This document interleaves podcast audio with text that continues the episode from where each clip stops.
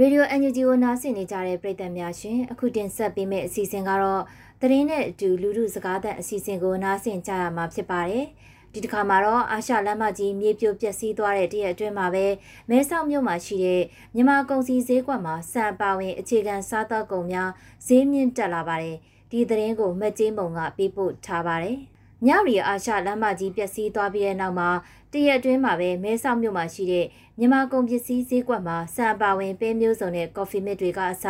ဈေးတက်သွားခဲ့ပြီးပြန်လည်ပြုပြင်ချိန်ကြာရင်ကြာသလိုဈေးတွေထပ်တက်သွားဖို့ရှိတယ်လို့မြန်မာကုန်ပစ္စည်းရောင်းချသူတွေကပြောပါတယ်။မဲဆောက်ရောက်မြန်မာအချို့ကနမဲကျော်ထိုင်းဆန်တွေရှိပေမဲ့မြန်မာပေါ်ဆန်းမွေးကိုပဲစားသုံးကြတာဖြစ်ပါတယ်။ ဒါကြောင့်ရွှေဘိုပေါ်ဆန်းတသိန်းခွဲတအိတ်ကိုတသိန်း9000အထိမြင့်တက်သွားပြီးဆက်လက်မြင့်တက်သွားဖို့ရှိတယ်လို့စံကုန်သည်တွေကခန့်မှန်းထားပါတယ်။မဲဆောက်ဈေးကြီးအတွင်းမှာမြန်မာပေါ်ဆန်းမွေးဆန်ရောင်းချသူတူကအခုလိုပြောပါတယ်။ဘာဒါတော့ဆန်ဈေးတွေတက်တာ။ကုန်ကြောင်းတော့အဲ့လောက်ထိမတက်သေးဘူး။ဆန်ဈေးတစ်မျိုးပဲတက်တယ်။ပေါ်ဆန်းမွေးဘောဒီမှာရောင်းလာ။ပေါ်ဆန်းမွေးတစ်မျိုးပဲ။ငါပြောတာအခုလည်းတော့အရင်က66အခု1900နီးပါးတော့ရှိတယ်။ ထိုင်းနိုင်ငံမဲဆောက်မြို့မှာရွှေပြောင်းလုပ်သားတွေအပါအဝင်မြန်မာလူမျိုး2သိန်းကျော်ရှိနေတဲ့အတွက်မြန်မာစားသောက်ကုန်ဈေးကွက်ကကြီးမားပါတယ်။မြန်မာကုန်စီကထိုင်းကုန်စီထက်ဈေးချိုတဲ့အပြင်ရိုးရာစားတောက်မှုအလေးအထရပါမြန်မာစားတောက်ကုန်တွေကအရေးပါနေစေပါလက်တလောဈေးကွက်အခြေအနေကိုမြန်မာစားတောက်ကုန်ရောင်းချသူတူကအခုလိုပြောပါတယ်အခုပြောပြပြမယ်ဒီထိုင်းဗမာပြည်ထိုင်းပစ္စည်းလေးရှိတယ်ပဲဒီမှာဗမာပစ္စည်းလေးဝယ်လာတဲ့ ဝယ်လာဗမာပစ္စည်းကဈေးတက်သွားတယ်ထိုင်းပစ္စည်းထဲကိုဈေးများနေမယ်ဒီလေဒီဒီဘက်ကမှရှိလို့တို့ကထိုင်းပစ္စည်းလည်းတို့သုံးတော့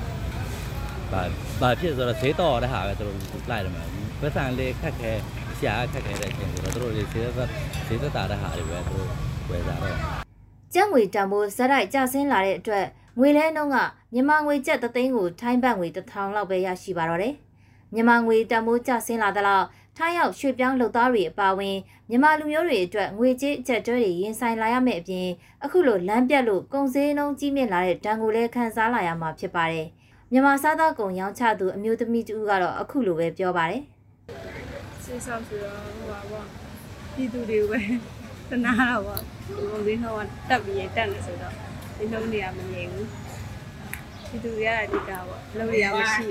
ဒီစုံတော့ပဲတက်တယ် မြန်မာနိုင်ငံနဲ့ထိုင်းနိုင်ငံကိုချိတ်ဆက်ထားတဲ့အာရှလမ်းမကြီးမိုင်တိုင်149နဲ့149.5ဖာလုံအကြားမှာမိုးကြီးပြီးတော့တောင်ကျရေတွေဆင်းလာလို့ကားလမ်းအောက်ဘက်ကမြေသားပြိုပြီးပေ150လောက်ပြိုကျပျက်စီးခဲ့ပါတယ်။ငွေအားလူအားဤပညာအားစက်ရန်တရားအားအပြည့်စုံနဲ့ပြန်လည်ပြုပြင်နိုင်မယ်ဆိုရင်15ရက်အတွင်းမှာပြိုကျသွားတဲ့အာရှလမ်းမကြီးက